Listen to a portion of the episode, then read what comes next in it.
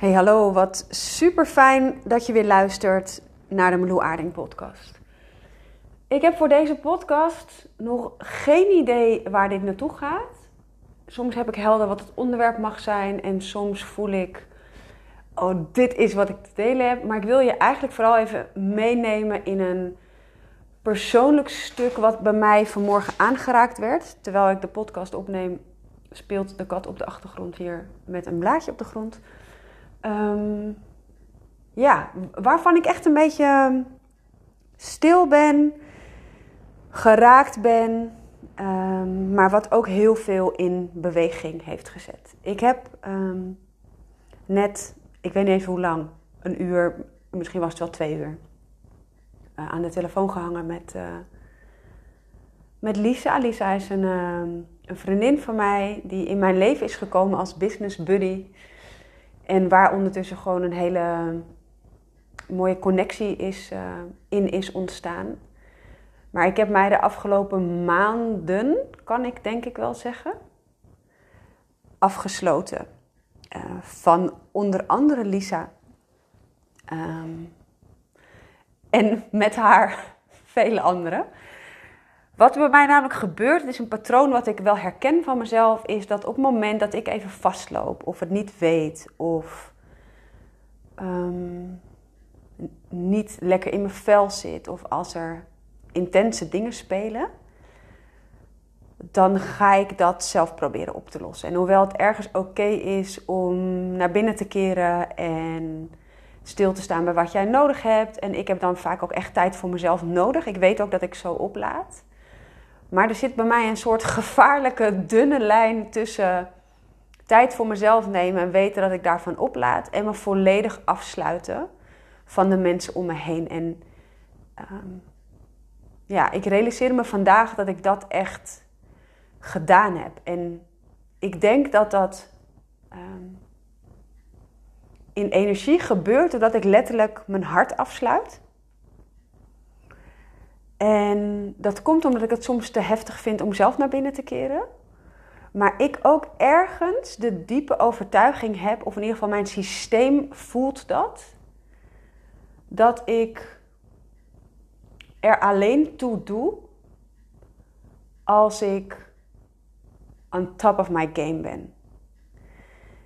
Met andere woorden, als ik het lastig heb, of dat nou emotioneel is, of dat spiritueel is, fysiek, uh, financieel. Bedenk het op welk vlak dan ook. Als ik het lastig heb op een van die vlakken of vastloop, heb ik het gevoel dat ik dat zelf op moet lossen en dat ik, ik weet niet zo goed wat dat gevoel is, maar alsof ik te veel ruimte inneem als ik daarover praat. Maar wat er daarmee gebeurt is dat ik mijn hart afsluit, me niet meer openstel het, is gewoon een beschermingsmechanisme. Hè. Dit is gewoon een.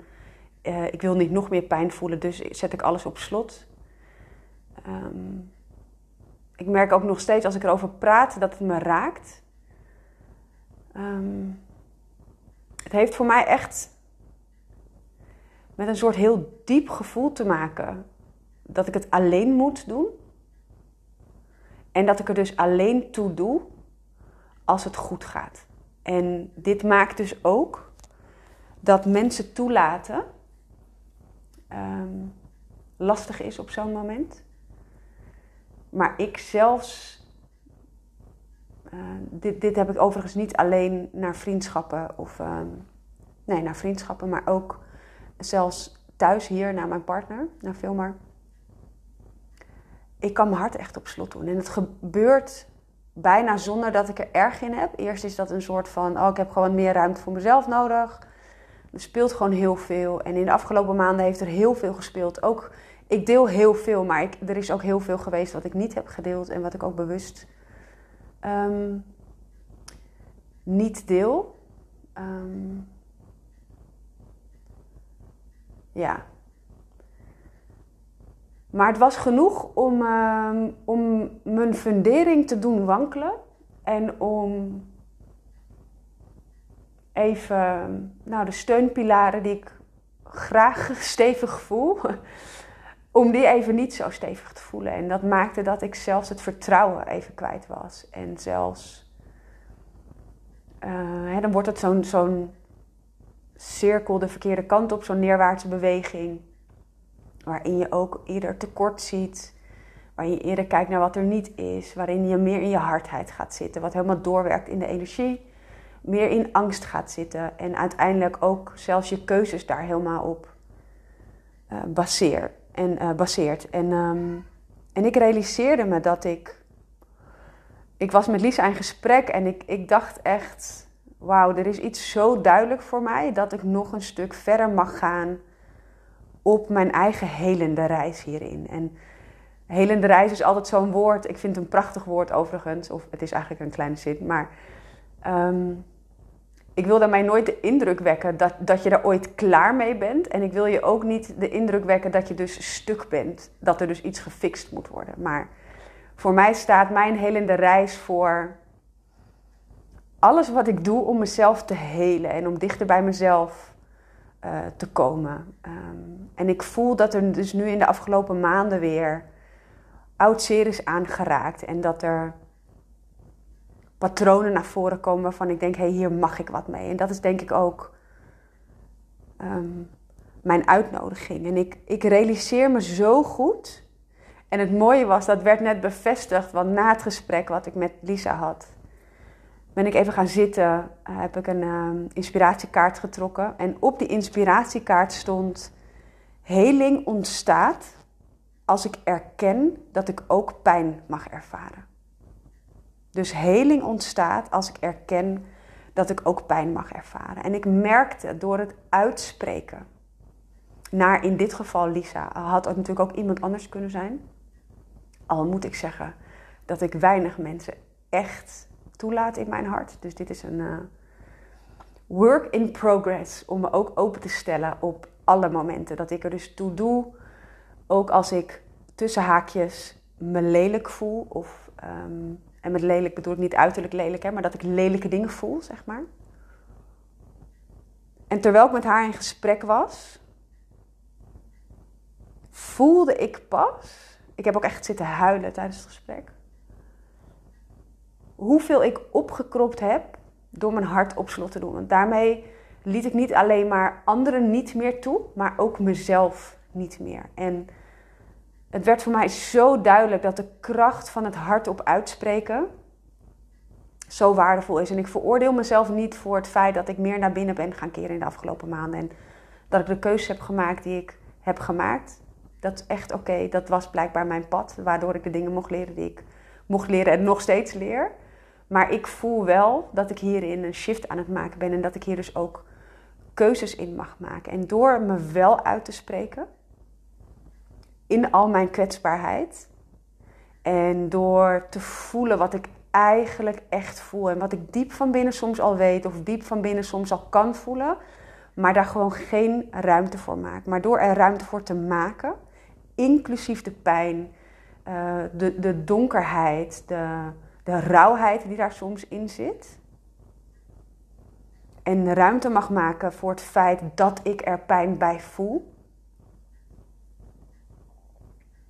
merk ik al dat het zoveel shift. En voor mij was dit weer een mooie eye-opener dat ik. Um, ja, dat ik me vaker uit mag spreken, maar dat ik mezelf ook toe mag staan. En dit is zo gek om te zeggen, want ik ben een mega groot voorstander van het voelen van al je emoties. Um, ja, punt. Ik, ik denk altijd, ren er niet van weg pak pen en papier, ga dansen, schrijven, zingen, huilen, praten, whatever. En toch heb ik de afgelopen maanden, liep ik daar zelf even in vast. En het maakte ook dat ik me een soort enorme saboteur voelde. Dat ik dacht, hoe kan het nou dat ik mensen teach om alles te doorvoelen, om het te helen, om het aan te kijken, om het te laten te zijn, om, om, het, om er ruimte voor te maken. Um, en ik kon het zelf even niet voelen. En dat was een heel proces waar ik even zelf doorheen ging. En ik denk dat dat de reden is ook waarom ik dit met je wil delen. Gewoon in alle eerlijkheid. Dat we allemaal fases hebben die uh, soms zo ingaan tegen wat je teacht of waar je voor staat of waar je anderen misschien zelf bij helpt. En dat je ook altijd weer je eigen dingen aan te kijken hebt. Ondanks dat ik in mijn geval al zoveel mooie stappen heb mogen maken in mijn helende reis. Meters, meters, meters, meters. Uh, kom ik hier weer bij een volgende laag. En dit is voor mij ook het pad van persoonlijke ontwikkeling, van bewustwording. Het is soms vet, heftig, lelijk, verdrietig, raak, pijnlijk. Uh, het is niet alleen maar, oh goh, ik groei zoveel en wat lekker en ik heb alle shit achter me gelaten. Nee, je ruimt iets op en als jij weer verder wil groeien, kom je weer op een volgende laag die je aan mag kijken. En voor mij is dit dus weer duidelijk het moment waarop ik daar wat mee mag voor mezelf. En ik voel me na het uitspreken hiervan en na het toelaten van deze emoties, voel ik me gewoon zoveel uh, lichter. En ook, um, ik weet niet of je het herkent, maar op het moment dat ik uh, dat er veel op mijn bordje ligt, ga ik in mijn hardheid. En mijn hardheid is dingen regelen, controle houden, uh, in, in mijn hoofd zitten. Uh, maar mijn hardheid is, is ook letterlijk te zien aan mijn buitenkant. En ik hou daar letterlijk mensen mee op afstand. Dus ik ga makkelijker met mijn vingers wijzen. Ik ga makkelijker oordelen. Ik word makkelijker boos. Uh, ik ben makkelijker geraakt. En ook hier zit voor mij geen oordeel op. Hè. Dit is gewoon wat ik op dat moment voel. En om meer pijn te voorkomen, is dit mijn, mijn mechanisme, mijn buitenste laag. Waar ik zelf over teach, notabene. Dat je je buitenste laag inzet om te voorkomen dat je pijn krijgt. En dit is ontstaan in je jeugd. En het is eigenlijk zo'n mooi mechanisme. Iets wat je in je kindertijd niet kon dragen. Daar is dit mechanisme eh, bij komen kijken om, om te zorgen dat je het wel kon dragen. Om een manier te vinden voor jou om ermee te dealen. En het kan zijn dat je helemaal aan ging passen. Dat jij perfectionisme ging, ging laten zien. Of dat jij uh, makkelijker oordeelt naar jezelf of naar anderen. Want als je wijst, of dat nou naar jezelf is of naar een ander.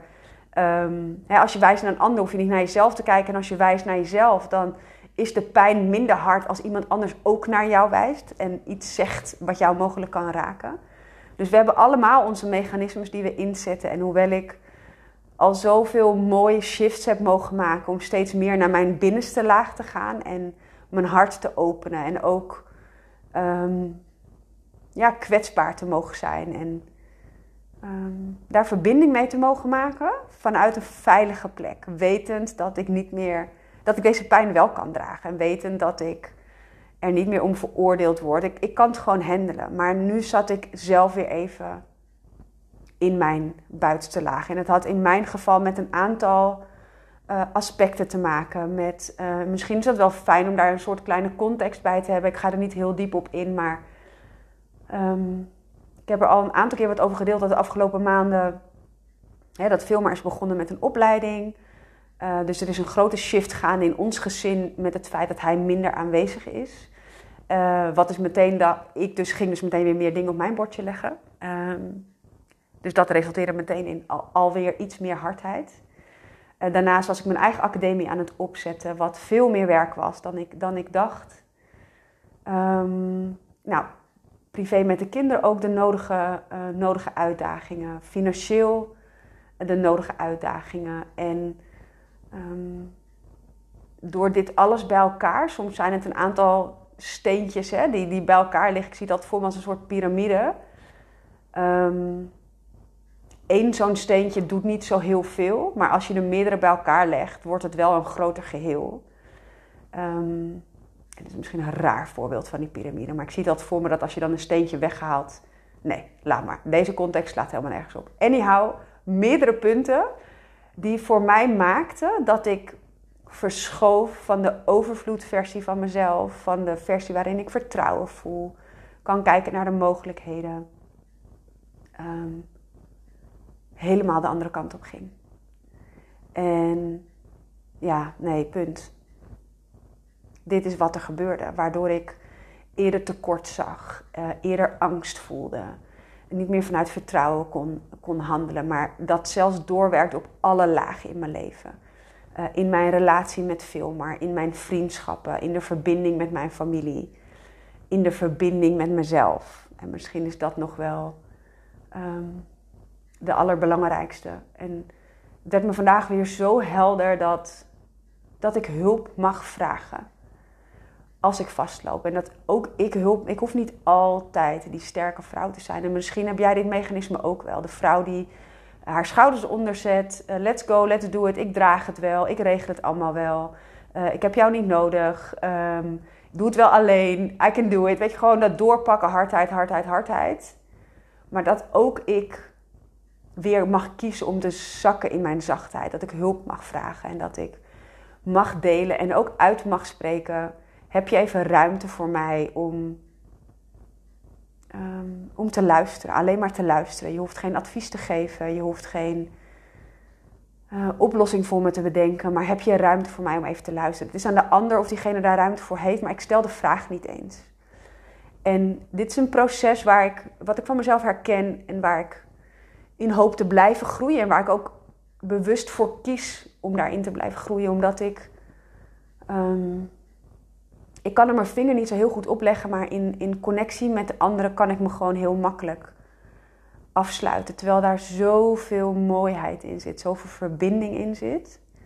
En het mooie is, ik sta voor verbinding. Ik, ik hou van connectie aangaan. Maar echt, hè? Dus niet koetjes, kalfjes connectie. Niet uh, nou, een beetje oppervlakkige shit, maar gewoon diepgang. Ik wil weten wat er in je leven speelt. Ik wil horen wat je bezighoudt. Ik wil filosoferen met je. Ik wil spiegels voorhouden. En ik kan dat makkelijk bij een ander. Ik kan het makkelijk geven. Maar ik merk dat ik dus dat voor mezelf weer vrij snel op slot zet. Waardoor ik het niet altijd kan ontvangen. Terwijl ik wel nu, op dit moment, mensen in mijn leven heb die me dat kunnen geven. En terwijl ik dit uitspreek, realiseer ik me Ehm, dat dit lang niet zo geweest is. En daar komt ook het gevoel vandaan van het alleen moeten doen. En dat is geen verwijt naar mijn ouders of geen um, slachtofferschap. Of geen, maar het, dit was in mijn jeugd gewoon een thema. Er speelde zoveel dat zowel mijn vader als mijn moeder voor mij vaak niet als beschikbaar voelde. En ik vaak ook aanvoelde dat die ruimte daar niet was. En dat ik alleen de beste versie van mezelf kon laten zien. En dat dat de versie was waar ik aandacht mee kreeg. En waar ik goedkeuring en waardering en erkenning bij ontving. Dus ik snap het thema helemaal. Uh, het is voor mij heel duidelijk dat ik er weer wat mee mag. En ik voelde dat ik dit met je mocht delen. Ik, ik heb geen idee waarom, maar ik ga ervan uit dat als je tot hier geluisterd hebt, dat het um, jou op een bepaalde manier ergens bij helpt of een inzicht geeft. Misschien wel in het ook meer openstellen of bewust je hart weer open als je voelt dat je hem ook eigenlijk even op slot um, hebt gedaan. Of misschien wel in het, in het hulp vragen of zelf weer een laag verder gaan op jouw helende reis. Um, en misschien ook wel in het stukje dat ook jij pijn mag ervaren. En dat het toestaan daarvan. En voor mij, oh, het, was zo helend dit gesprek vanmorgen. En ook daarna nog, dit werkt gewoon nog door. Ik voel het echt. Het gesprek is nu iets van drie uur geleden. En uh, de verschuif, ik voel van alles verschuiven. Ook heel veel tranen, heel veel wat er omhoog komt. Maar dan merk ik weer hoe krachtig het is om het toe te laten. Um, en ook, dit is misschien wel de laatste reminder, dat als jij nu in een fase zit waarvan je denkt, hè, hier help ik anderen altijd bij. Hoezo loop ik hier nu zelf vast in? Dat het oké is. Ik mocht het ook echt even tegen mezelf zeggen. Dat ik geen saboteur ben en dat ik geen huigelaar ben en niet een soort nep iets neerzet. Want soms kun je zo goed blinde vlekken van anderen zien. En soms kun je zo goed overkoepelend zien wat er gebeurt met die helikopterview. En in energie aanvoelen wat er moet gebeuren. En soms ben je het bij jezelf gewoon even kwijt. En dat is oké. Ik wil je bedanken voor het luisteren. Als deze podcast iets voor je heeft betekend, ehm, zou ik het ontzettend waarderen als je me dat laat weten. Misschien wel meer dan bij andere podcasten. Omdat ik voel dat het een persoonlijk iets is. En ik wel het gevoel had dat ik het mocht delen. Maar ik dus het ook heel erg prettig vind om te horen bij wie die aankomt en wat het voor jou uh, nou, misschien wel in beweging zet. Dus je mag me altijd een berichtje sturen onder Aarding op Instagram. En tot in de volgende podcast.